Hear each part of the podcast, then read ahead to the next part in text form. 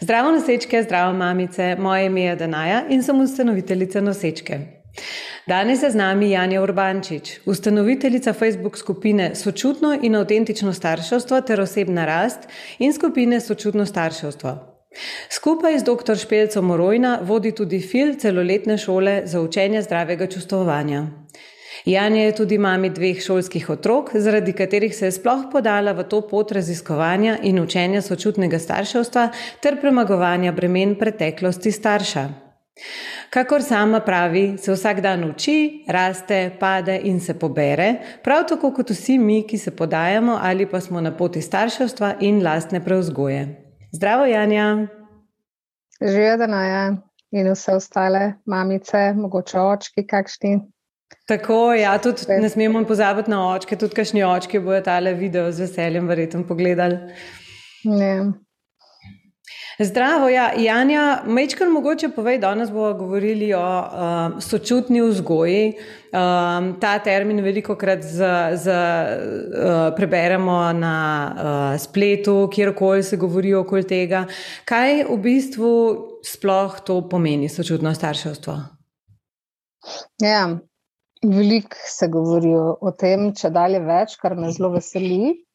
Um, in hkrati vidim, da je ogromno enih mitov, nesporazumov, tako veliko enih vprašanj v zvezi s tem. Zelo, predvsej ljudi misli, da uh, je to v bistvu ena zgoja, kjer sam nekaj hvalimo, pa, pa crklamo. Pa, Skratka, smo prijazni in tako naprej. In, in jaz, tudi to je pomembno, seveda. In hkrati je pomembno tudi to, da pač imamo meje, da čutimo mi sebe, starši, da se mi znamo postaviti zase in tako naprej. Uh, v bistvu sočutno vzgoja ali pa sočutno starševstvo, brez tega, da smo mi sočutni do sebe, v bistvu sploh ni sočutno starševstvo, oziroma je to daleč od tega. Tako, da, um, ja. tako bom rekla. Um, Mislim, da je najbolj pomembna stvar pri tem to, da, da smo v stiku z otrokom, da gradimo stik, da, da vidimo njegove potrebe, da se sprašujemo, kaj moj otrok potrebuje v tem trenutku. Potrebe pa želje niso eno in isto, to moramo vedeti, da je to v bistvu da sta to dve različni stvari. Potrebe so tisto, kar je otrok res potrebuje za svoj zdrav razvoj, za svoje življenje, za svoje preživetje. In to je v bistvu ljubezen, spoštovanje, to, da ga vidimo, da ga slišimo, da ga razumemo, da, da uh, mu povemo, kje je dovolj, kje je preveč, kje je šel predaleč, kaj je prav, kaj ni prav, in tako naprej. Se pravi to so tiste čustvene, predvsem potrebe, fiziološke, so se pravi spanje, eh, hrana, pijača, počitek in tako naprej. Ampak ja, v glavnem tukaj govorimo o teh čustvenih potrebah, um, ki, so, ki se razlikujejo od želja. In tukaj se mi zdi, da veliko staršev nekako ne razume tega koncepta. To ni zadovoljevanje otrokovih želja, to je zadovoljevanje otrokovih potreb. Um, in s tem, ko v bistvu smo uglašeni na otrokove potrebe, s tem nekako gradimo stik z otrokom. Otrok se ob nas počuti varno. Sprav, že v dojenčkasti dobi se to pravzaprav začne. Ko otrok zajoka, to je njegova komunikacija, s tem otrok pove, kaj potrebuje, se pravi, lačen sem, ali pa željen sem, ali pa vroče mi je, ali pa rabim tvoj objem, um, rabim crklanje, ne vem, previme. Se pravi, vse to sporoča z jokom, počasi ta komunikacija nadgrajuje z besedami in z neverbalno komunikacijo in tako naprej. Tako da, če smo mi oglašeni na otrokove potrebe, če mi znamo prepoznati, kaj otrok potrebuje, potem se bo otrok ob nas počutil varne, sprejete, ljubljene in bo to doprineslo k temu, da nas bo lažje upošteval kasneje. Ko bo že začel uveljavljati svojo voljo, in ko bo začel postajati bolj svoja oseba, ko več ne bo tako zlid z nami, um, in imel bo občutek za sebe, za, za svoje potrebe. Um, se pravi, vse skupaj to temelji pač na tem, no? na tem, da gradimo odnos, da gradimo stik. Uh -huh. Sej, jaz se tudi v bistvu dosta trudim, pa s celo ekipo se trudimo nekako ta mit crklanja otroka v smislu, uh, da ga imaš preveč po rokah že v tej dojenčkasti fazi, kot si rekla, uh -huh. razbit v smislu, da to je zelo zelo priporočljivo, da je pač otrok se um, crkla, ko on izraža neko željo po bližini, po kukorkoli. Um, Itak bil je otrok devet mesecev praktično v maternici, ne, noter z mamico povezan in zdaj kar naenkrat bi pomogel on pač ležati vem, in biti ok s tem, da je stran od mamice, to ne gre. Ne. Um, zdaj se mi zdi, da mamice že kar razumejo ta koncept oziroma da nam tako rekla, pač razumejo. Ampak veliko se govori o tem, no, sočutno starševstvo in kako v bistvu uh, se truditi razumevati njihove potrebe, kot si rekla. Um, ampak je pa to za nas težko, glede na to, kakšno vzgojo smo imeli mi in težko izhajamo sami iz sebe. Jaz vidim tukaj največji konflikt. Jaz recimo s tem. Jaz intelektualno vem, kaj otrok potrebuje. Recimo, velikokrat se tudi z mamico skregam, da je to potreba, da to ni njegova želja, da je to pač njegova potreba in da je tudi njegov karakter um, in da tudi njega moram poslušati, da je on svoja oseba, ne glede na to, da je star, ne vem, 4-5 let, da je on svoja oseba in da ima pravico, da izrazi svoje mnenje in da ima pravico, da ga jaz tudi poslušam pri tem izražanju mnenja. Ne? ne smem ga utišati, ne, mislim, ne smem. Ni lepo, ne, sej on tudi mene, ne, se mene tudi ljudi ne, kar ne, bo tih, bo tih, ne tega pa zdaj noč govorila, a ne pač svoja oseba je. Ampak največji, največjo težavo imam pa recimo v tem, da. Um, Jaz sem bila vzgojena tako, pač otroci bodite tiho, če nimate kaj pametnega zapovedati. Mislim, ni bilo zelo, zelo ekstremno, a ne kot je bilo res včasih, še dve generacije nazaj, recimo. Mm. Ampak uh, še vedno ne. Uh, zelo težko pridem v, v, v to fazo, da da, da, da, da, me, ne, da me ne pusti, da, da nisem živčna, ko sem jaz sočutna in razumevajoča in se pogovarjam z otrokom in ga razumem in ga res pravim razumeti, ampak mi pritisne na točko, ki je tako. Prav tako enostavno bom rekla, pač, lej, a me lahko zdaj že enkrat, kam vam poslušaš model, pa ne reči tako, ker sva se zmenila, se se dogovarjala, že sto let ne morem več. Ne? In potem ti gre tako tisto, kaj ti bi mene mogel poslušati. Ne? In boj spet ta moja, moja vzgoja pride ven in um, recimo jaz imam tukaj veliko težavo. No? Intelektualno uh -huh. vem, čustveno prideš do ene točke, nekje te pa poj odpele in si ti star tri, tri leta, takrat v unmu momentu. Ne? Res, prav, jaz, jaz se prav ja. počutim, da sem takrat stara tri leta. Strah me je, jezna sem, žalostna sem, vse naenkrat in čez pet sekund mi ni jasno, kako se je to lahko zgodilo. Čisto enostavno. Um, tukaj se mi ja, zdi, da imamo mamice največje težave. A imaš kaj še ja, na svetu glede tega? Ja, v bistvu jaz tukaj zdaj mogoče zaznavam, um, oziroma bi upozorila na to. Ne. Sočutno starševstvo, prej sem že rekla, ne, sočutni moramo biti tudi do sebe. Mhm. Recimo, jaz sem tudi na začetku, ko sem še odkrivala vse to, zelo velikrat zapadla v to, da se preveč pogovarjam s svojim otrokom, pa preveč dogovarjam, pa ga preveč sprašujem.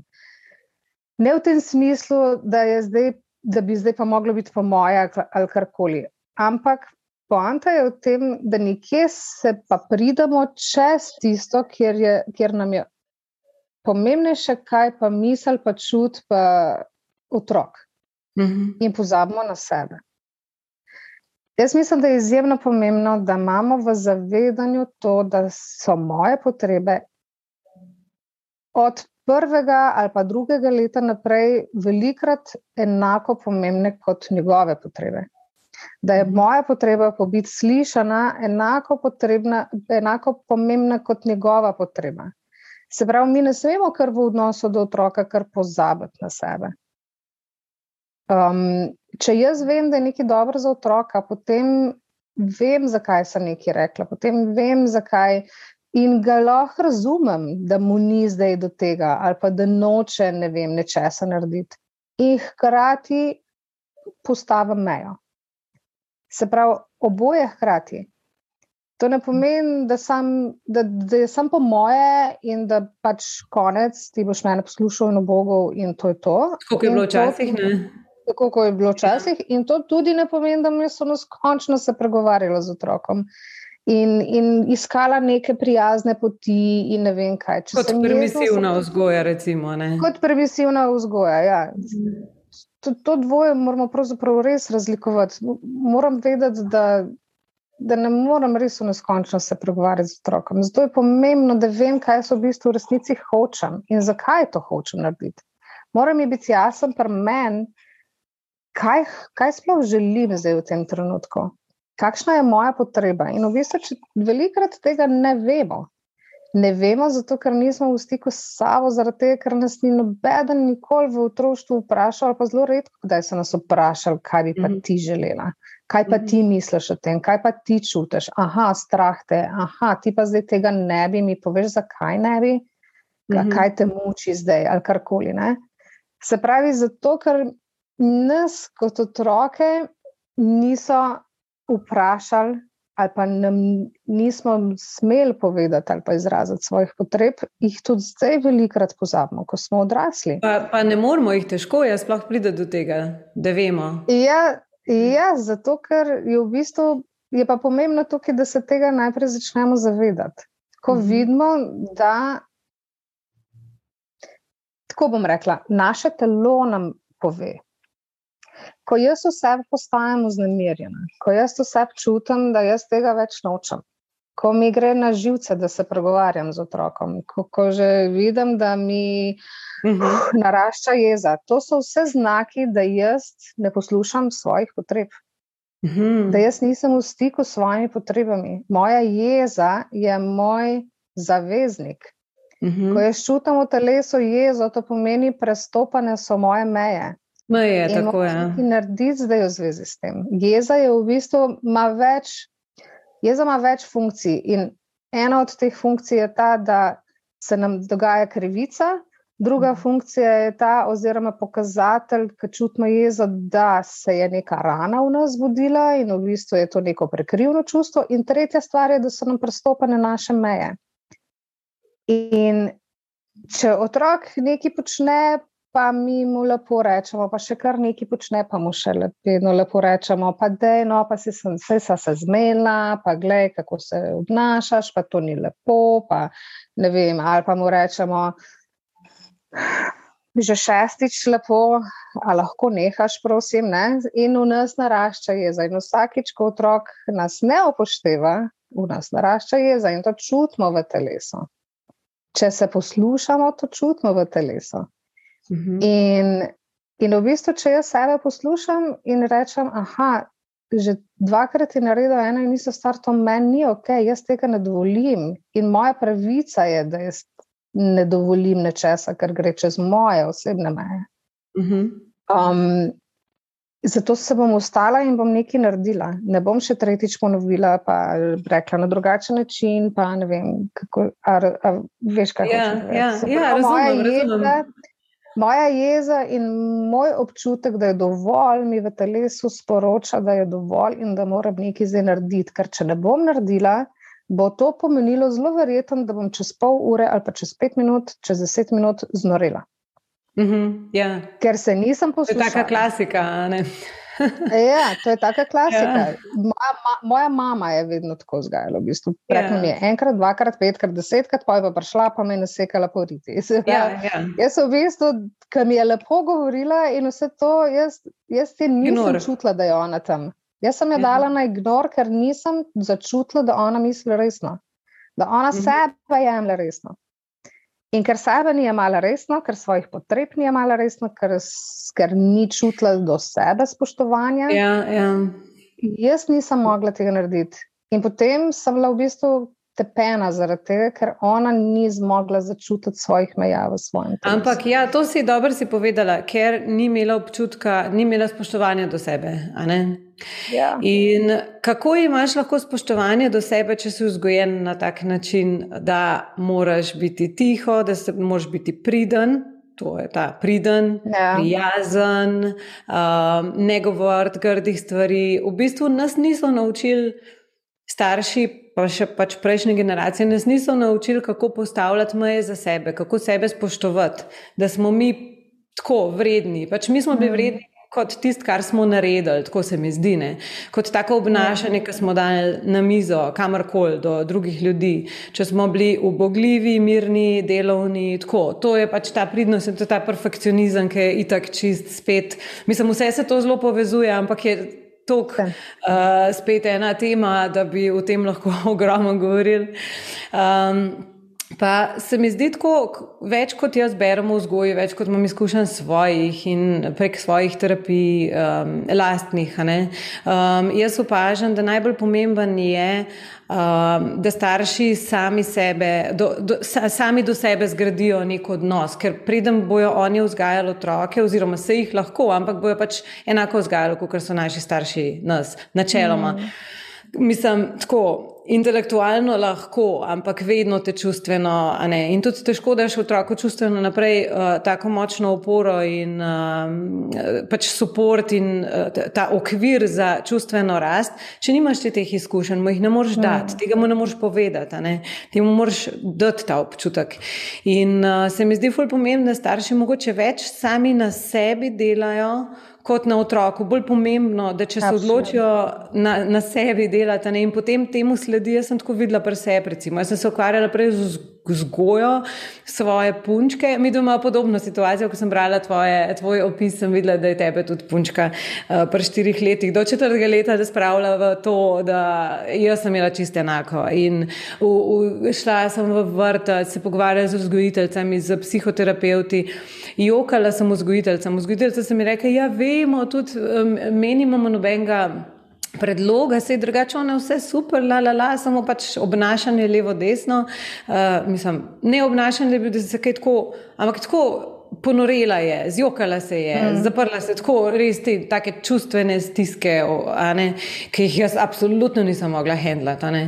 In sem rekla, zdaj pa do, zdaj pa jaz to ne morem več. In sem še jaz na terapijo, za sebe. Mm. In ker sem jaz začela na terapijo hoditi, eno leto, ok, sem bila jaz boljša. Ampak v naslednjem letu se, se pa Juna, najn odnos, ne ona, najn odnos, to je čist pač druga stvar spet, človek, človek pa odnos, ne, se je pa totalno um, umehčal, povezal. Um, uh, uh, obna, tako se mi zdi, da se je obnašala praktično. Dosti podoben, kot prej, mogoče mečkam bolj zrelo, samo meni ni to uh, nikamor. Mm. Meni bo tako, pač tako je, tako, ni, ni, ni mi. Uh, ki mi ponovadi kar drž. Um, in um, meni je to ful pomagalo, meni je to najbolj pomagalo. Če bi karkoli svetovala iz prve roke, je to, da um, se začnejo sami sabo ukvarjati staršino. Ja, absolutno. To je v bistvu, jaz pravim, vedno vzgoja otroke, pravzaprav vzgoja samega sebe. Ampak ne v tem smislu, da se vzgajamo, da se bomo lepše obnašali, pa da smo ne vem kaj, ampak da zacelimo tiste naše čustvene rane. Ker v bistvu, um, ko otrok nekaj naredi, imamo mi lahko več odzivov. Ne? In vsak starš ima nek svoj odziv. Na lahko pa na čist isti otrokov, um, otrokovo obnašanje. Se pravi, otrok se vrže po tleh v trgovini in en starš totalno znori, ga naseka poriti. Kaj boš ti mene tukaj sramotil, mulj, nesramen in pa poka in gre iz trgovine. Drug starš, joj, ne, boh ne da je zdaj tukaj jokatle, tako ti bomo vse kupil, sam ne, ne, mi pa zramote delati, groza. Um, en starš, ne vem, je zmeden, ne ve, zamrzne. Recimo. En mhm. starš otroka pusti in reče: Ja, le razumem te, slišim te, in hkrati danes ne bo kupila te igračke, ker sva se zmenila, da pač danes ne bo. Skratka, veliko različnih odzivov imamo, glede na to, kaj mi v takrat v tistem trenutku verjamemo verjamemo o sebi, otroku ali pa v situaciji. Ponovadi to otroku, recimo, ali je razvajen, ali je ne vem, nesramen, ali je nesamostojen, ali je neodgovoren. Se pravi, če nam bo to prišlo nekako gor. In bomo to razmišljali o otroku, potem bo naša reakcija popolnoma drugačna, kot če bomo rekli, je kako doživlja zeleno frustracijo, pa si ne zna mm -hmm. pomagati, sam se pa moj ful težko. Ne? In takrat bomo mi v pomoč otroku, namesto da bi nas odnesli v neko kaznovanje, pa v neke jezne reakcije. Zakaj se pa to zgodi, da smo da različno odreagiramo? Je pa to zato, ker si, tako kot si prej omenila, je zato, ker smo bili tako vzgojeni. Če smo bili mi vzgojeni, da se pač ne smemo vršiti po tleh in imeti svoj čustveni izbruh, ko nam nekaj ni bilo v redu pred dveh letih, ker pač drugače nismo znali, ker dvoletniki pač težko prenesejo frustracijo in tako močna čustva in, se, in s celim telesom to pokažejo, da jim nekaj uh -huh. ni prav. Če tega nismo smeli narediti, bomo te občutke kot mehni potlačili in se nam bodo prebudili, ko, bomo, ko bo naš otrok star dve leti in bo v taki situaciji se vrgel na tla. Uh -huh. In bistvo ni to, da mi otroka popravljamo, pa da mi otroka takrat vzgajamo, v bistvu je tem, da mi sebe reguliramo takrat mm -hmm. v mhm. tistem trenutku. Aha, kaj se pa zdaj z mano? Ne? Kaj se mm -hmm. zdaj z mano dogaja v tem trenutku? Zakaj je to meni tako zdaj vrgli stira? Kaj se je zgodilo v meni noter? Mm -hmm. A me je strah? A, a me je strah, da bo moj otrok razvajen? A me je strah, da me bodo drugi sodili, kakšna mama sem zaradi tega, ker se moj otrok meče po tleh? Da, ali pa je, da ne znaš ja. vzgajati. Jaz bi recimo pomislila, slaba mama. Ja. Kako sem slaba mama, ne znam vzgojiti otroka. Prvič se meče po tleh, drugič mm. pa um, ga ne znam pomiriti, ker jaz. Absolutno mm. nisem zelo v tej točki, da ga bom pomirila s to jezo. Ne, recimo, ne. Tako, vse se nabere in je težko potem reagirati ne, v enem momentu. A misliš, ja, da če, recimo, če greš um, tako, več kot bereš o tem, več kot to ozavestiš, eh, a ti je potem lažje v situaciji, a moraš iti večkrat čez situacijo, pa reči, gremo stisniti zobe, pa, pa grem zaradi otroka, pa ga objamem, pa večkrat to narediš, da, da pride um, izkustveno, ali tudi pomaga z ja. zavedanjem. Jaz mislim, da je so pomembne tukaj tri stvari. Eno je, recimo, da večkrat to preberemo in nam je bolj v zavesti to. Se pravi, takrat, ko pride do te situacije, da mi je jasno, da je to otrokova stiska, da otrok ne zmore drugače. Um, to že zelo lahko pomaga. Druga stvar je ta, da pač grem, pa večkrat naredim eno in isto stvar. To se da narediti v stvarih, ki se nas ne dotikajo, toliko, ki v nas ne prebujejo toliko nekih hranjen. Takrat imamo še naš prefrontalni korteks vklopljen, mm. se ne izklopi čist povezava med plazilskimi možgani in prefrontalnim korteksom. Se pravi, ko se to zgodi, ko se naše telo spomni, ko otrokovo neko obnašanje ali pa neko dejanje sproži v nas neko rano, Takrat se prekine povezava med prefrontalnim korteksom, ki je zadolžen za naše racionalno razmišljanje, za umirjene reakcije, za načrtovanje, takrat to vse konec. Se pravi, zato velikrat mami se pravijo, ali pa očkati, pravijo, vse vem, vse mi je jasno, kaj bi moral narediti, kako bi moral odreagirati, ampak ko pa pride do situacije, pa ne gre. Avtomatsko me vrže v jezo in moje telo odreagira z jezo ali pa z nekim ne vem, razočaranjem, stisko, se pravi, starš je takrat v stiski. In m, moje osebne izkušnje kažejo na to, da je zelo pomembno, da takrat gremo sami ali pa s terapeutom, zelo velikrat pač ne zmoremo sami, ker pač. Če bi zmogli, bi že šli, ja. ampak ker se to ponavlja, pa ponavlja, pa pač enostavno ne gre. Da gremo v da gremo pogledat, kaj se v resnici dogaja. Mhm. Ker recimo, velikrat se to zgodi, da ko smo bili mi mehni v takšnih situacijah, nismo imeli podpore staršev. In smo ostali sami s tem, in smo mogli potlačiti te občutke. In v takih situacijah, še kaznovani, smo bili zraven. Ne? Še kaznovani, verjetno da. tepeni, ali pa poslani mhm. v sobo, ali pa ignorirani, ali pa zasmehovani, mogoče celo, kaj se dogaja. Ja zasramovani, nehi se jokati, boš dubu še poriti ali kaj za kaj. Hmm. Skratka, odzivi naših staršev so velikrat. Seveda, zato ker oni niso tega dobili od svojih staršev, in tako naprej, in tako nazaj. Se pravi, niso krivi bili za to, da pač niso znali odreagirati, glede kot mi nismo zdaj krivi, da mi ne znamo odreagirati. Smo pa odgovorni, da to naredimo zase in za svoje otroke. Se pravi, nismo bili krivi, smo pa odgovorni. In um, In v bistvu, ko ugotovimo, da, da so to neke naše rane, ki se prebujejo, potem je fajn poiskati podporo terapeuta, ki nas bo peljal skozi ta čustva. Mhm. Zato, da jih bomo lahko potem začutili še enkrat v telesu, prišli v stik z njimi, zaradi ker so potlačena in potlačene vsebine lahko sprostimo iz telesa samo tako, da pridemo spet v stik z njimi, da imamo takrat neko podporo, neke sočutne osebe, jih prečutimo, smo z njimi, jih prečutimo in spustimo iz telesa. In samo na takšen način bomo potem, kasneje, v situacijah, ki se bodo ponovno zgodile, lahko ohranili mirno kri, oziroma nas ne bo spet vrgel v tiste naše plazilske možgane, v naš avtomatski odziv telesa, mm -hmm. nad katerim nimamo nadzora. Samo mm. na tak način gre v takih situacijah. Se pravi, to so tiste neke naše traumatične izkušnje, ki sprožijo implicitni spomin, ki sprožijo tisto neko bolečino. Fizično, že kar tako je. Ja. Fizično, ja. To je v mhm. bistvu to. Brez tega, eh, jaz vem, da so me ene in iste situacije včasih leto, dve.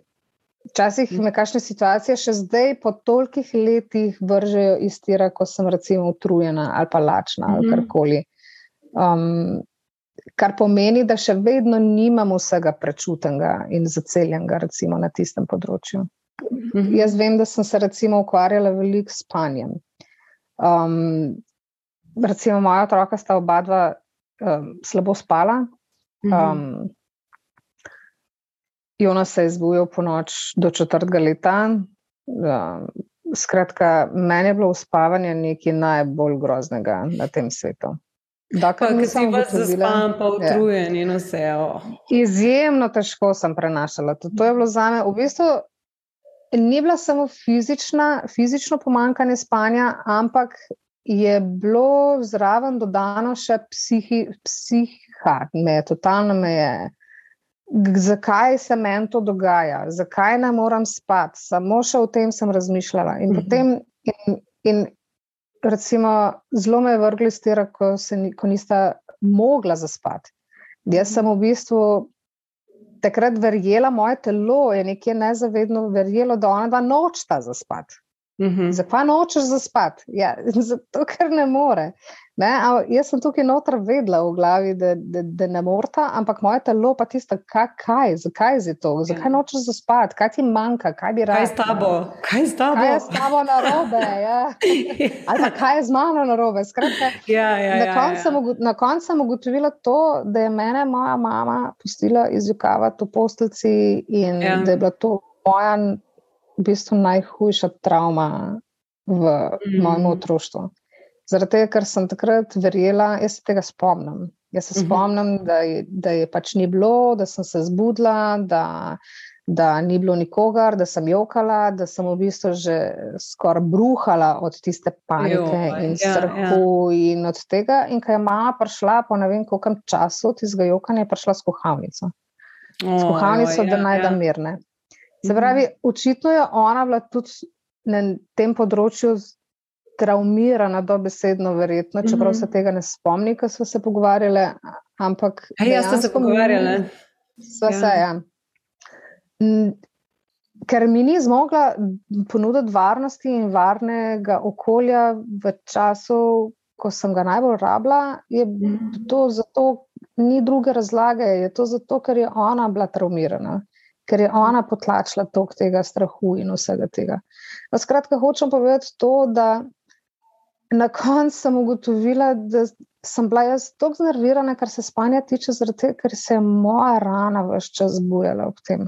Moj strah, moja panika. In ko sem jaz to predelala, so se v bistvu težave, so se pri njima dvema nehale.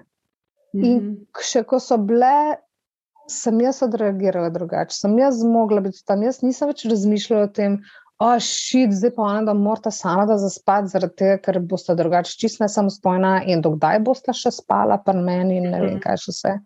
Skratka, nisem bila več v tistem strahu, nisem se več, ni me več drival ta, moj, ta moja rana, se ni več oklapljala toliko. Uh mhm. -huh.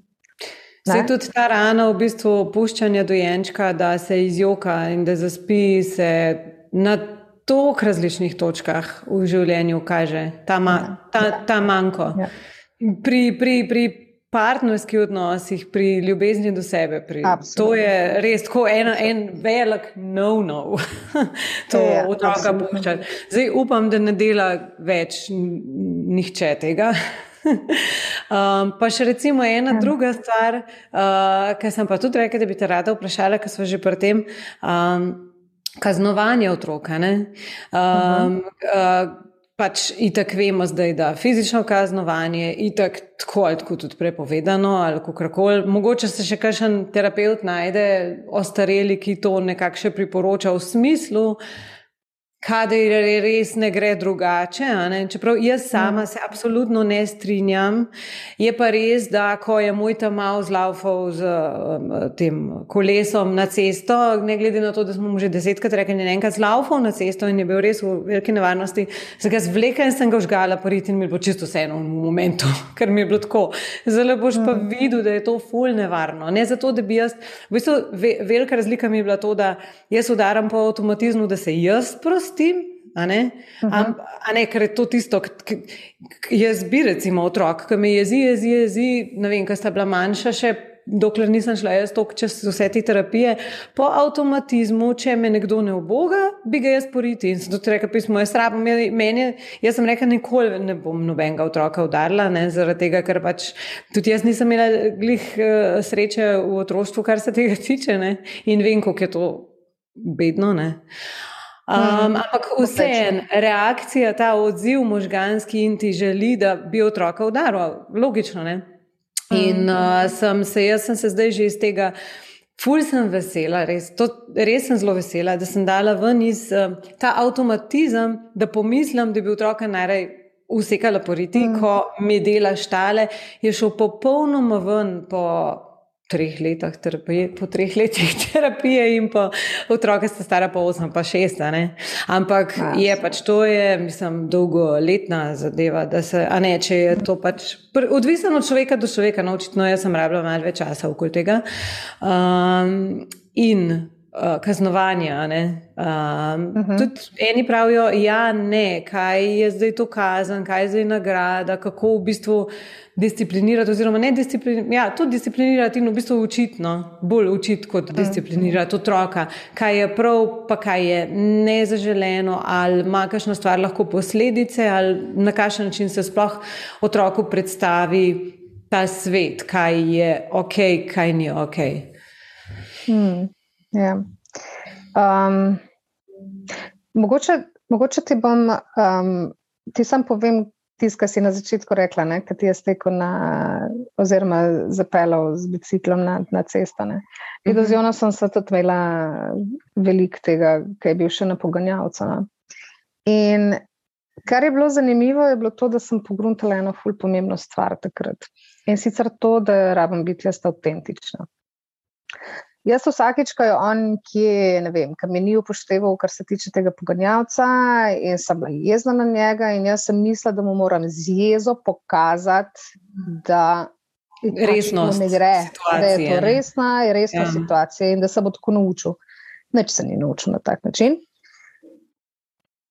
Ker je enkrat smo šli v trgovino in je tako, uh, v bistvu pločnik je v obe strani in ko sem jaz hčerki zapenjala bundo, je on nekam skrenil v levo ali v desno, jaz ga nisem, v glavnem nisem ga več nikjer videla.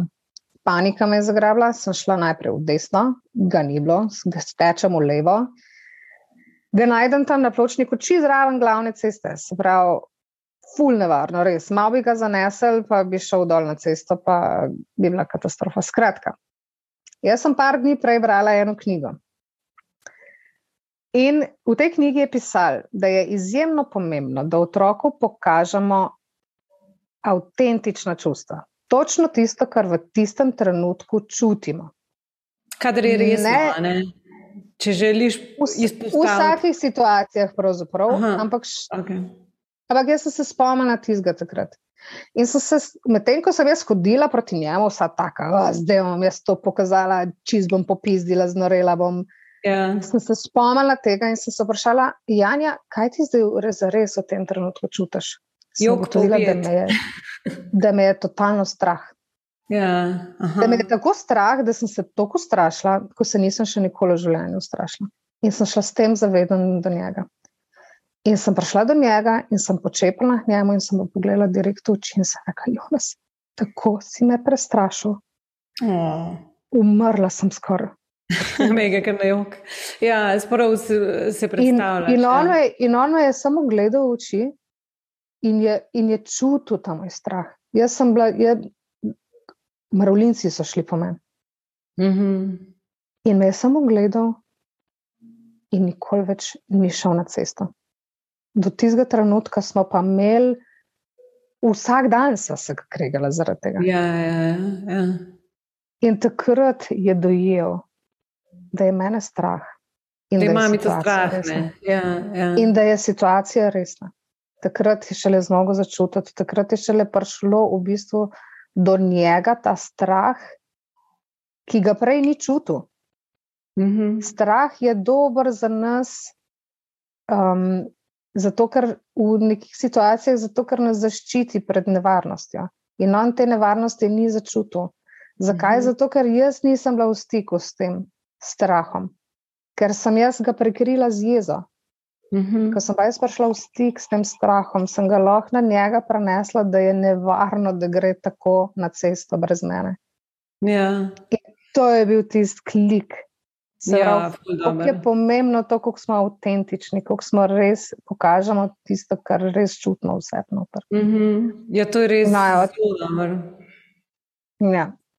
To sem hotel v bistvu povedati, sem se spomnila. Recimo, lahko bi ja. ga pa kaznovala, pa bi ga lahko nasekala tam poriti in nič ne bi naredila v bistvu s tem. S tem bi sam Tudi v bistvu ne bi se on, no, on prvič on ne bi uh, prepoznal to, kot da je to strah, ker v bistvu se oni učijo od nas, um, tudi čustev, mm. nečustvovanja in v bistvu učenja, pa v bistvu spoznavanja svojih čustev. Ker pa če njih ni strah, oni ne vejo, ne? oni so pač tako majhni, ja. nimajo pojma, kaj se bo zgodilo, če bodo prišli. In če vidijo, da je ja. nekoga, le ujok si mi spravlja, da vidijo, če vidijo nekoga, pač starša, no to, zato sem rekla prej mamico.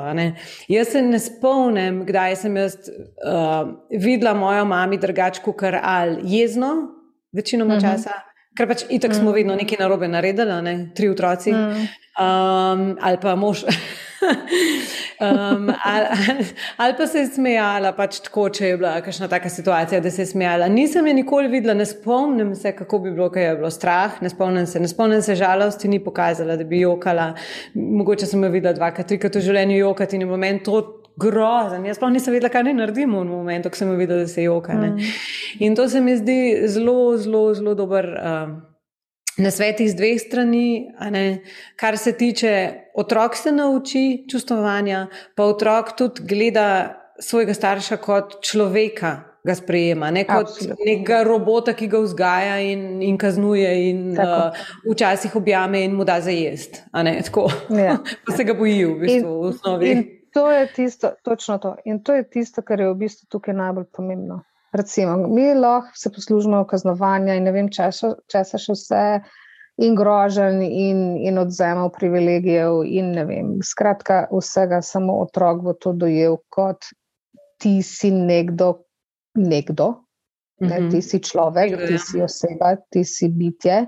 Ampak ti si mhm. nekdo, ki, od katerega sem jaz odvisen, od tvoje dobre volje, od tega, ali si utrujen ali nisi, od tega, ali si poštimo sam sebe ali nisi. In zdaj bom jaz nastradal tukaj. Um, ali pa bom dobil pač tisto. Se pravi, otrok sploh ne čuti varnosti. To je v bistvu ena najbolj stvari, ki se dogajajo, ko otroka, recimo, kaznujejo. Otrok zgublja varnost ob mhm. nas. Mm. Na mestu, da bi v stiski, ali pa bo nekaj napake naredil, ker dejansko je tako. Jaz si zamišljam vzgojo otroka, kot da je nek vesolček prišel na zemljo, ki ne ve, kako delujejo stvari na zemlji. In zdaj jaz lahko ne vem. Bi, če bi prišel nek tuj, nek nezemljan. A bi jaz tudi kar ne vem, znorela tam, ker bi nekaj naredil, pa bi ga kar porit nasekala. Ne, poskušala bi mu stvari razložiti ali pa mm -hmm. bi bila veliko bolj potrpežljiva. Ne? Se pravi, če gledamo otroka kot na neko bitje, ki je prišlo na ta planet in ne ve in dela napake in se uči skozi napake, tako kot se mi vsi učimo skozi napake, mm -hmm. bo veliko lažje, recimo. Um, in mu rabimo mu dati občutek varnosti, da takrat, ko bo naredil napako in ko bo rabo našo pomoč, da bo prišel k nam. Ne, da bo mhm. on bežal stran od nas, šit, mama me bo ubila, ker sem ne vem, naredil ja. XY. Klasika. Ja. Zato, zato, je tist, zato jaz pravim, da je kaznovanje oddaljuje otroka od nas samih. Mhm. Recimo, vem, jaz se spomnim enega dogodka, kjer je moj sin um, so igrali žogo od zunaj s prijatelji. In je žoga preletela v avtomobilsko šipo, in je glih tako se je žoga, se je odkrušila, glih tako, da je izgledalo, kot da je avtomobilska šipa počela. Od tiste žoge je bil gor. Ja. In so mislili, da je avtomobilska šipa počela, in so kaj so naredili. Moj Jonas je takoj rekel: Gremo k moji mami, ona nam bo pomagala. Mm -hmm. Vsi drugi otroci so bili čist prestrašeni, ošit, kaj bo moji starši rekli. Moj onos je rekel: Gremo k moji mami, moja mama mi bo pomagala. -huh. In so prišli do mene in smo zrihtali zadevo, smo šli do lastnika in tako naprej, pogledali, če je šipa res počena, bla, bla, bla, pač skratka, nič ni bilo. In ko so šli domov, sem rekla: Jonas, hvala, da si prišel do mene. Je rekel: uh -huh. Mami, jaz sem vedel, da boš ti nam pomagala, da boš ti nam pomagala. To ne pomeni, da mu bom dala potuho, ampak to pomeni, mm -hmm. da mu bom pomagala rešiti situacijo tako, da bo na koncu vse ok. Prevzeti odgovornost, pogledati, kaj se je zgodilo, iti do človeka, poskušati popraviti stvari. Mi smo bili pač pripravljeni tudi plačati za šipo, bla, bla, bla kakorkoli. Mm -hmm. To pomeni, jaz sem mu modelirala, kaj to pomeni rešiti situacijo tako, da si odgovoren v tej situaciji da ne zbežiš, da se ne delaš, da se nič ni zgodilo, ali pa ne vem. Ne? Mm -hmm. In najbolj pomembno mi je bilo, da je prišel do mene. Ja, to da je mi je to zaupal. In to je, to je bilo za mene ena velika potrditev. Tudi takrat je bil star, mislim, da 8 let. Da, Aha, da je kaznov, to, da ga ne kaznujem, da je mm -hmm. to res prav. Takrat to, to sem tudi... dubla, tako prav, prav spomnim se tisto, sem rekla, evo. Janja, kako je pomembno, da ga nisi kaznovala. Ker če bi ga kaznovala, da takrat bi sigurno ne bi prišel do mene. Ne, začnejo skrivati, začnejo skrivati stvari, ne, ne zaupajo ti več. Jaz, recimo, Absolutno. tudi ena izmed. Um, Ko sem postala mama, sem rekla, kaj pa tisto, kar je meni bistveno, ko bom mama. Poleg tega, za fizične in čustvene potrebe, tako se mi zdi, da se res trudiš že tako, ne, uh, naravno, ker si mami.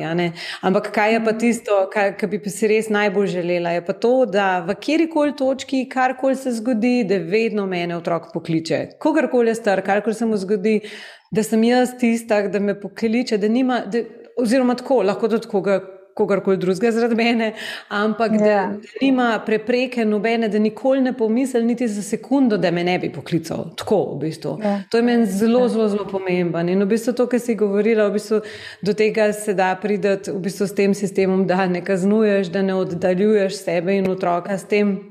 Uh, in v bistvu greš lepo tudi čez puberteto, tudi puberteta zna biti potem veliko lažja. Se mi zdi, meni men, v bistvu, men je puberteta tako uno, oh, puberteta, oh, šiči, šiči, ampak um, tako se mi zdi, ful je treba graditi na medsebojnem odnosu in na zaupanju. In če imaš to, se mi zdi puberteta potem bistveno drugačno uh, poteka. Absolutno. Absolutno. Ja. Recimo, moja ščirka mi je zanč, bi jih rekla ko je dobila svoj prvi cvek, um, je rekla: Mami, veš, koliko sem jaz vesela, da ti lahko to povem, da ne rabim skrivati. Ker vse moje sošolke, ki dobijo cvek, rečejo: Fak, mat me bo ubila. Ja, ja. Čeprav vemo, da jih ne bo ubila, zares, ampak ja. tako se izražajo plač mladi, kar hoče povedati s tem. Mislim, nekje so že dobili to informacijo, zakaj bi ja, pa sploh rekli to? Ne? Ne, tako, v težavah. Mm -hmm. ja. Zaradi mamice, ne zaradi sebe. Ne? Nisem samo ja. žalostna, mami mi bo pomagala, ampak jaz sem žalostna, zafrustrirana, vse je narobe, zdaj pa fakt, zdaj moram pa še mat povedati, zdaj pa še ona ubila. Pa, pa V bistvu ja. se otrok ukvarja s čustvenimi težavami svojega od, uh, starša in z njegovimi percepcijami in projekcijami, kakšen bo njegov otrok, namesto da bi se sam sabo ukvarjal, pa s svojimi čustvi in jih predelal in pač bil žalosten, kaj je enko dubo in da bi potem bila to naprej odskočna deska za naslednje, ne pač izkušnja. Tako. Ja, tako. ja fulja, no, skratka. Recimo, ne vem, kaznovanje tudi zavira, dejansko, kot so prej rekli, zavira moralni razvoj. Se pravi, otrok se bo bolj verjetno naučil laganja, kazanja s prstom na druge, zaradi strahu pred kaznijo, recimo, prikrivanja, um, mhm. raznih manipulacij. In se pravi, da ko kaznujemo otroka, je večja verjetnost, da ga vzgajamo v človeka, ki ne bo zmogel prevzeti posebne odgovornosti in tudi empatije empatijo bo teže razvijal, zaradi tega, ker mu bo pomembno samo, bom, kako bom zdaj sebe zaščitil. Okay, tudi, če ja. sem drugega prizadel, ne zmore otrok takrat razmišljati o tem, da je drugega prizadel, ampak samo, kako bom sebe zaščitil, da ne bom zdaj kaznovan, tepen, da me ne bo bolelo na kakršen koli fizičen ali pa čustven način. -hmm. in, in ko pa nima otrok tega strahu pred kaznijo, bo pa zmogel takrat razumeti, da je prizadel drugega otroka, da, da ga boli, da to ni bilo mogoče v redu. Se pravi, ko se z otrokom o tem pogovarjamo, lahko vprašamo, okay, kaj, si, kaj pa se je zgodilo, zakaj si tako odreagiral, z iskrenim zanimanjem ga sprašujemo zakaj se je to zgodilo, kaj si takrat čutil, a te je prizadelo. Velikrat je tako, da otrok, en otrok nekaj reče, drug pa fizično odreagira. Se pravi, nekje. Pomembno je, kako se otrok počuti, zakaj je to, zakaj je to naredil. In če nas to zanima, bo otrok imel vedno občutek, da, iskreno, da se iskreno zanimamo za njega. Ne da avtomatsko mi zaključimo, da on je kriv, konec, gotovo zdaj je treba kazen in treba ga je naučiti, kaj je narobe naredil. Mm -hmm. Velikrat spregledamo dejansko ozadje tega, zakaj je to on sploh naredil. Recimo, v bistvu izgubimo dobro priložnost za povezovanje z otrokom. Ne? Za povezovanje in za dejansko učenje. Recimo, za dejansko učenje. Ja, dejansko ja, učenje. Mm -hmm. um, tako da, ja, jaz mislim, da velikih primerih. Jaz rečem, da je kazen, ne vem, jaz, jaz, jaz nisem kazni dala že ne vem koliko časa, res. Mm. Od, ne vem, zadnje mislim, da tam, ko sta bila stara tri, štiri leta, mm -hmm. najkasneje pet, ne vem. Uh, potem sem pa začela res razmišljati drugače. Osebne meje sem začela postavljati, um, kar pomeni, ne vem, veliko staršev vidim, pa tudi na splošno, ko pridejo k meni na posvet. Recimo, zelo redko jim je znan ta koncept osebnega postavljanja meja v osebni govorici. To pomeni, da mhm. ne postavljam mej, to se ne dela, poglej, kakšen si.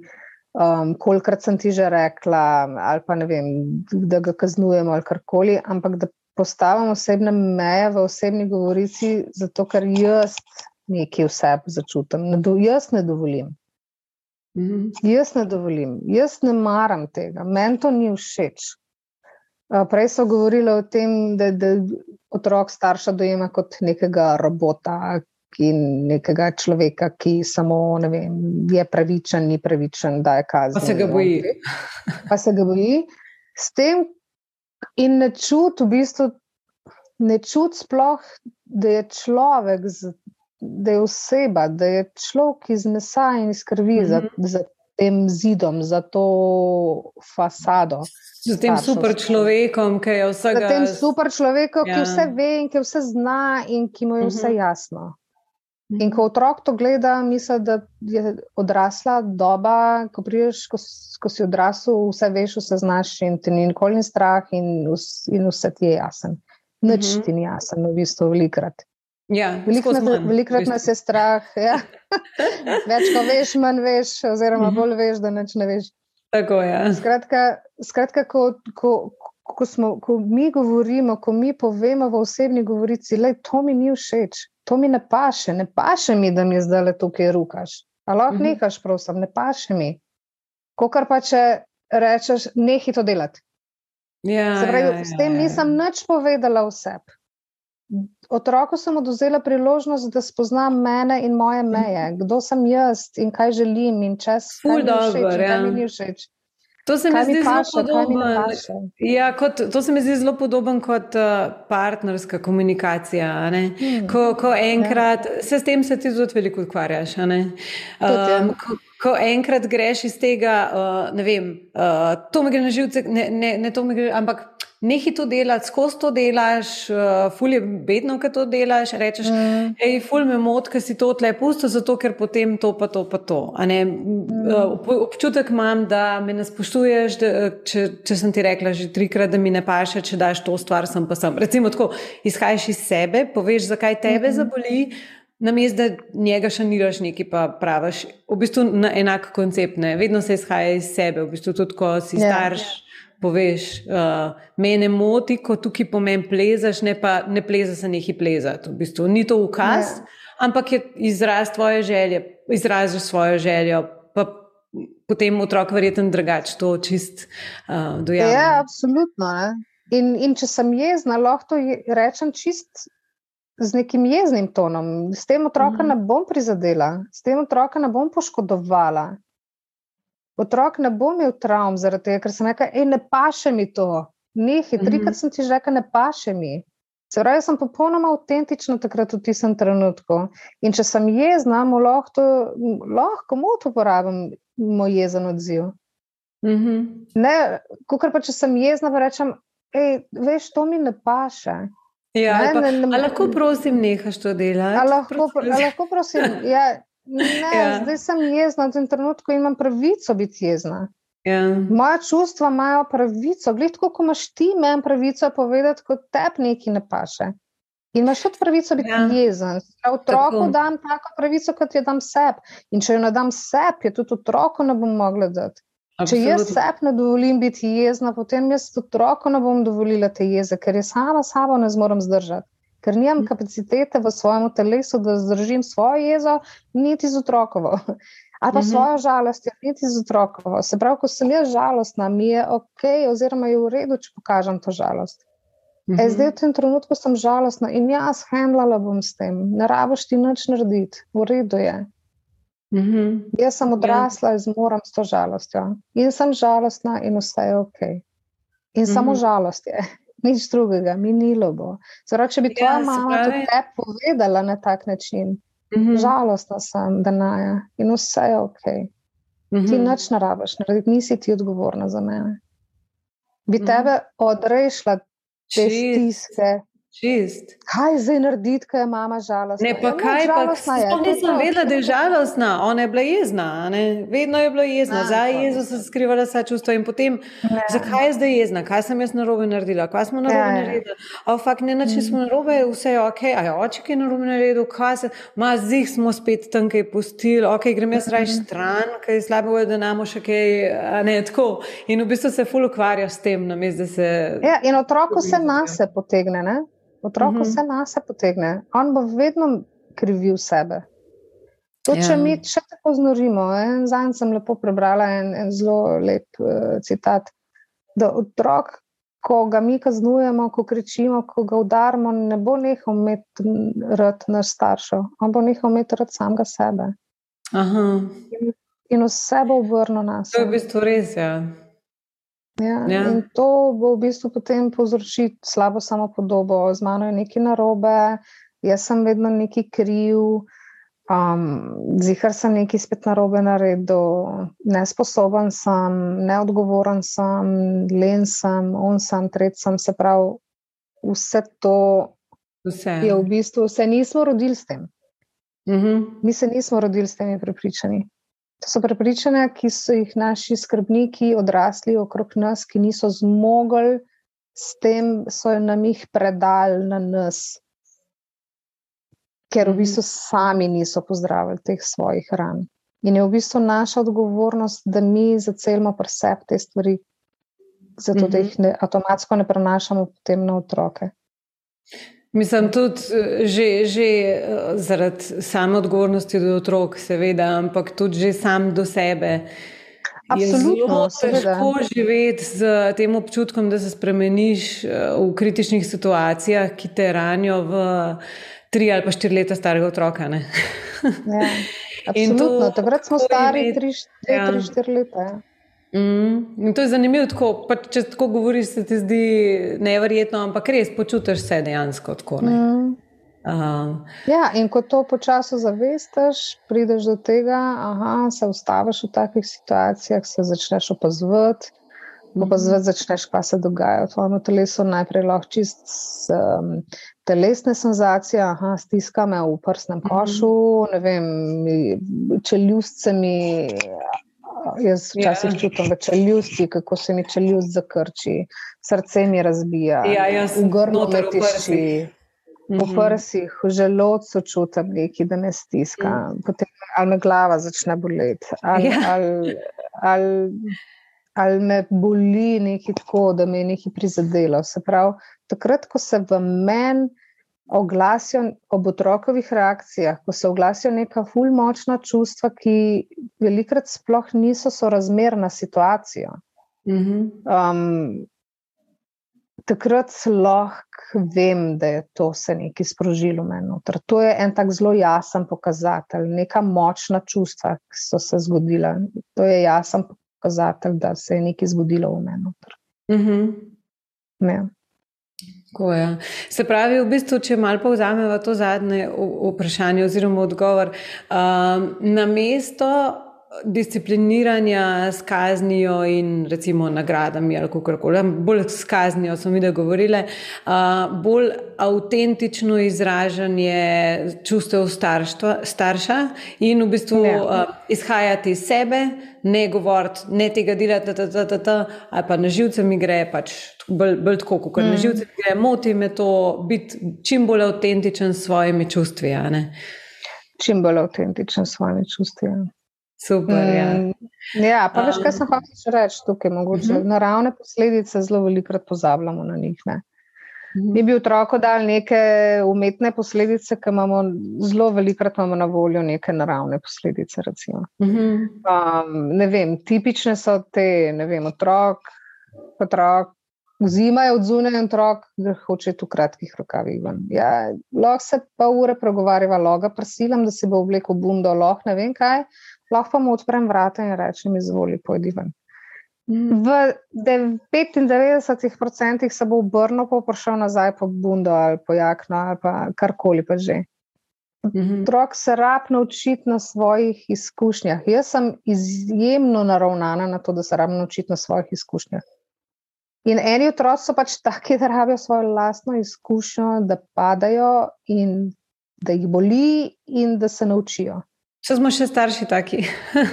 starši smo taki. Zelo veliko odraslih poznam, ki rabijo svojo izkušnjo, konec. Mhm. Koliko ljudi kadi, pije alkohol, vozi prehitro in, in ne bojo prišli do tega, da je to škodljivo za njih ali pa za nas, vse, mhm. dokler ne izkusijo posledic. In jaz verjamem v to, da je ena um, eden od vzrokov, zakaj tega ne zmoremo, tudi ta, ker nismo imeli šanse izkušati naravnih posledic, ko smo bili mehni. Mm, zanimivo je. Ja. Ves čas ne plezaj tam, ne pazi, pa da boš, ne smeš tega, ne smeš šo, ne smeš tret nič, ne dovolijo nam izkušenj, niso nam dovolili izkušenj, mm -hmm. da padamo in da nas boli. In se pravi, če bom plezal tam le po tisti ti ograji, bom padel in bom, ne vem, buško dubu. Ja. Pravi, sicer je res to, da ne moreš otroku dovoliti, da, vem, da gre na vroč delnik roko. Ja, recimo, ja, Treba je seveda imeti neko zdravo mero, ampak zelo velikrat, če bi starši za 50% vstopili nazaj, bi bilo še vedno dovolj varno. Mm -hmm. Ali pa ne vem, strah me je, da se bo prehladil. Ja, pač se bo prehladil. Zdaj, če, če ni glih, ne vem, to, da, da bo zaradi tega trpel družinski budžet, ker moraš iti na bolniško ali kar karkoli, ne vem, pač.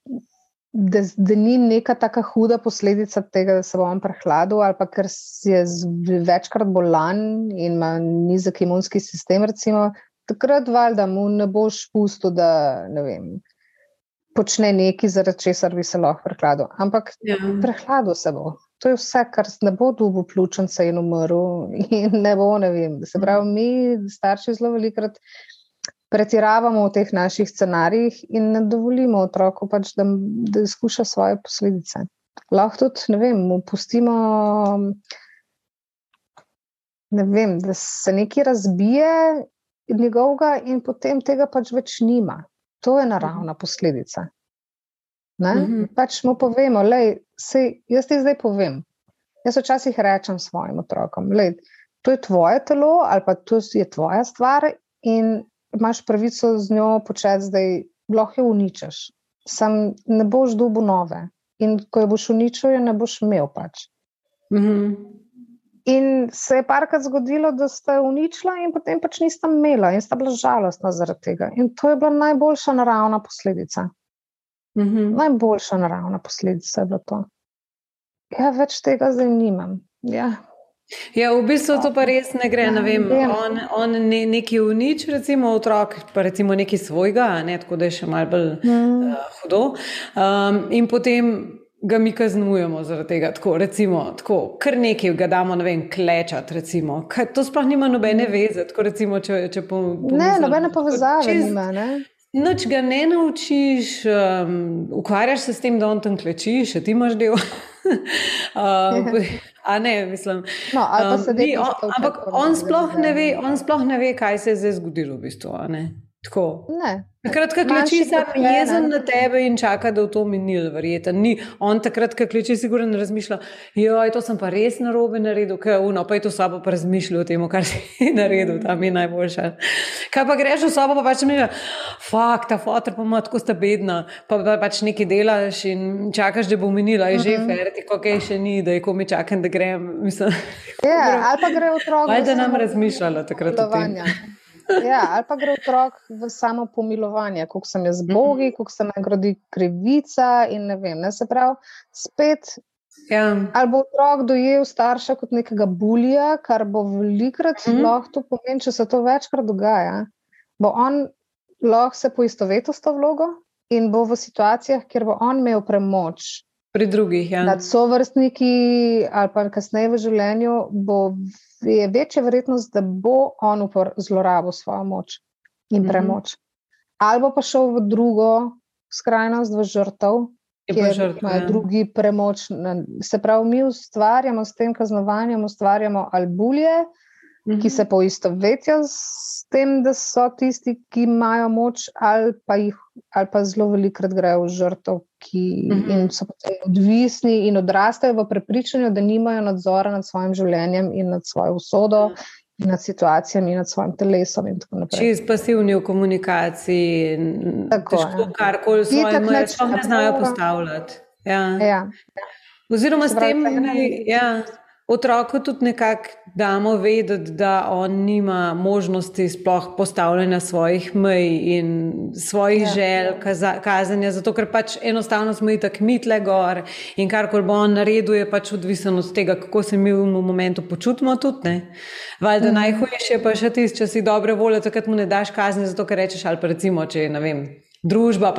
Takrat mu kar mhm. rečeš, to v redu, tukaj imamo, vem, da gremo mi tle naprej se pogovarjati, ti pa pej se igrati, se imaš otroke, me ne motaš.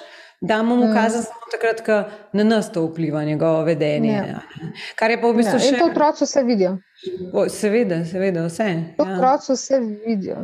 Mislim, ni jim jasen potem, ni jim pa jasen. Kaj, kaj sem pa zdaj naredil, da je pa drugače? Kva, kva? Ja. ja, pa ja. vidijo, da smo dvolični. Mhm. Zgubljamo, zgubljamo vpliv na tak način.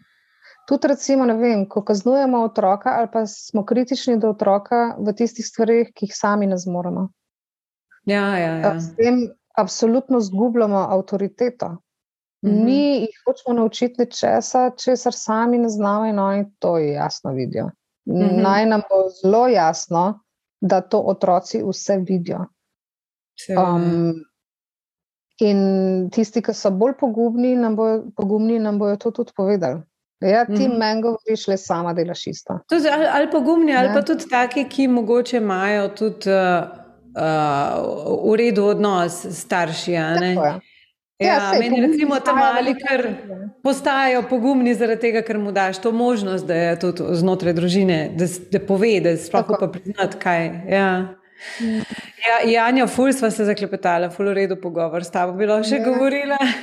Ja, več ful bi lahko še govorila. Jaz sem v tem poznovanju še toliko zapovedati, jo, pa v teh različnih, različnih eh, načinih, kako, kako prije do tega nasej, da jih mm -hmm. ne rabimo kaznovati, pa da nam zaupajo, če dalje bolj, da se no, tako, če dalje ja. bolj pogovarjamo z njimi. Ne. Vse ti tudi v bistvu to učiš, ne? mogoče lahko sam še večkrat poveš puncam, pa očjem, kako učiš, uh, um, kaj, kaj učiš na svojih delavnicah. Ja, zdaj, če dalje manj sicer predavam, uh, pa imam če dalje manj delavnic, no, zaradi tega, ker sem se usmerila bolj v, ta, v delo z špelco ki si mm -hmm. na mhm. začetku omenila, če dalje bolj sem z njo delam, čustveni proces, osebna svetovanja. Um, imam tudi nekaj posnetih spletnih seminarjev, tudi o kaznovanju, kjer povem še veliko več, recimo, kot smo danes govorili, o mejah, o komunikaciji, o povezovanju z otrokom, uh, kar predvsej imam tega v spletni trgovini svoji. Um, ja, bi pa mogoče povabila tiste, ki so mogoče začutili, da bi nekako želeli pogledati v sebe, pa v svoje, v svoje vzorce, v svoje rane, da, da me kontaktirajo, pa se dogovorimo za, um, za nek pogovor, no, ki uh -huh. peljem v čustveni proces in pomagam za cel tiste rane, ki so v bistvu nastale v otroštvu to, da nam potem zdaj ne delajo več uh, mm -hmm. težav v, v odnosu z otroci. No. Ja, jaz to, to absolutno, ja, absolutno priporočam. Individualne, seveda, ful je dobro, tako zaradi, že zaradi tega uh, kognitivnega oziroma zavedanja je veliko teh videov pogledati in si prebrati določene knjige, ampak če pa res želiš narediti korak naprej, je pa nujno. Mislim, se mi zdijo te individualne, ful pomembne. No. Ja. Za starše. Individualne, jaz, recimo, osebno, moj, moj osebna izkušnja je taka, da največje premike se naredi v skupini. Mi, da ja, špeljca ima v film membership, recimo, to je pač um, delno spletni, delno v živo um, enoletni program, v katerem v skupini se učimo vse to, in v skupini je proces čustveni daleč, daleč. Aha, verjetno zato, ker imaš te scenarije, odigravaš med drugimi in lažje. Avtomatsko. Ne odigravaš jih načrtno, zgodijo Aha. se. A ja, zgodijo, zgodijo se. se. A zgodi se jeza, zgodi se žalost. Ker jeza se lahko zgodi. zgodi. Spontano ti ljudje pritisnejo na točke. Aha. Ko si z njimi, recimo, štiri dni. Ko si z njimi štiri dni, to pa je. Ja, ja, ja. V končni fazi tudi prek spleta. Se veš, ko nekdo nekaj napiše, recimo, ti zbudi neke občutke. Lahko, ne? In mi se mhm. učimo, kako te občutke zaznati pri sebi, kako jih opaziti, kako prevzeti odgovornost za njih, kako vedeti, ko se je nekaj v meni zbudilo, se je v meni verjetno nekaj zbudilo. Tisti je samo bil trigger, glih tako, kot je otrok, velikrat trigger za moja trigger. čustva, so drugi ljudje trigger za moja čustva. In mhm. kako to izrazim, se učimo, recimo v skupini, kako izraziti tako, da prevzameš odgovornost za sebe in ne kriviš. Asertivno, v bistvu, ne. Asertivno. In predvsem, kako te triggerje, kako ta čustva, ki se zgodijo, uporabiti za to, da jih spustim skozi telo, takrat v tistem trenutku. To je bistvo. Mm -hmm. Mi smo drug drugemu, smo si um, moteča sila, jaz rečem, smo si moteča sila. In ko nekdo pritisne meni na točko, neko, kjer me boli, se jaz lahko ustavim in imam sočutno podporo cele skupine, da jaz lahko to predelam. Ker včasih se zgodijo tako globoke stvari ki jih ena na ena, definitivno terapeut zelo težko um, mm -hmm. pripelje ven. Recimo. Tudi terapeut se trigira na nekih področjih. Ko je skupina 20 ljudi, te trigirajo na večjih področjih. Ja. Se zelo hitro dogajajo te. Ne pa te težko, trigeri, težko z. Um z nekimi svojimi ščitami, ščiti, ki več različni. Tako ne, ki padajo, verjeten, močnej dol, kot pa če se samo z enim človekom. Obrambe, veliko. Ja. Obrambe, ja, in tudi ja. tako je. Pomembno je tudi to, da dobimo prepis izkušnje. Mhm. Uh, prepis izkušnje dobiš ti, recimo, s terapeutom. Terapeut bi bil naj, nek, naj bi bil nekdo, ki v tebi pomaga prebuditi ta boleča čustva, ti jih pomaga nositi in ti pomaga odreagirati drugače, kot so odreagirali takrat tvoji starši. Se pravi, on naj bi bil kot nek nadomestni starš, ki tokrat odreagira tako, kot smo potrebovali. Mhm. Ko pa smo v skupini, in ti včasih terapeutu, aha, on mogoče mi to, imaš možnost si misliti, okay, se to je terapeut, iz njega plačamo, on tako mora reagirati. Ko pa imaš ti skupino 20-30 ljudi, ki so sočutni takrat do tebe in ki ti povejo, da je tukaj smo zate, v redu je, v redu si. Tudi če si zdaj le čutiš jezo ali pa žalost ali pa vem, razočaranje ali karkoli, v redu je. Mm -hmm. Pa ne moreš, da ne bi verjel 30 ljudem naenkrat, ki, ja, ja. Nač, ki jim nisi več plačal za to. Dolžni, ne. Ja, tako, ja. ne? Ker ti niso več dolžni, ampak iskreno je srca to povedo. Mora biti zanimiva izkušnja, kaj mi gre. Izjemna. Um, si ne znaš predstavljati, moram ponoviti, kdaj. Ja, ti bi bila danaja idealna, zato te vidim, zdaj le že. Res? A, vidim te, da si filov, kar si po duši. Um, ja. Super. Ja. Pa pa siguren pridem, se bomo zmenili. ja, dej pridi, res ogromno lahko dobiš od tega. Ogromno. Uh mhm. -huh. To ti lahko pospeši to tvojo rast z, vem, ogromno. Jaz sem odletela, ker sem, prej sem se, sem se matrala in vse in, in kar težke so bile te preizkušnje. Še zdaj niso lahke, ampak Včasih se mi zdi, da se vrtim v krogu. Ja, pla, pa plato, pa vse. ja. ja, tukaj je tako, wow, full, res. Izjemno. Super. Jaz, super. jaz izjemno uživam v tem. Ja. Uh, ja, super, evo, sva, mamica se zdaj povabila, tudi oči je, ne? Kdorkoli pač tudi ni treba tudi starša, ne? Pač to je čisto open, verjetno, ne? Ja. Slehrnike. Tako, ja, to tudi recimo, ne vem, sploh vzgojitelji, učitelji, kdorkoli dela z ljudmi, ali pa či sam za sebe, recimo. Pač to je čisto za poslovne odnose, za karkoli je to dobro, za vse. Karkoli. Ja, super. Karkoli. Fino. Ja, Janja, hvala ti no, za, izčrpen, za ta izčrpen pogovor, so kar veliko dale čez. Mm. Uh, hvala, da me. Ja, pa sem mogoče še kdaj v kakšni priložnosti tako le ujameva, mogoče kaj bolj na disciplino, pa gremo kakšne scenarije mal čez, a ne? Uh -huh, uh, z veseljem. Ok, super. Hvala lepa, lep dan ti želim. Pa vsem Enako, ostalim, tudi vsem mamicam tudi. Čau. Ciao, ciao. Ciao.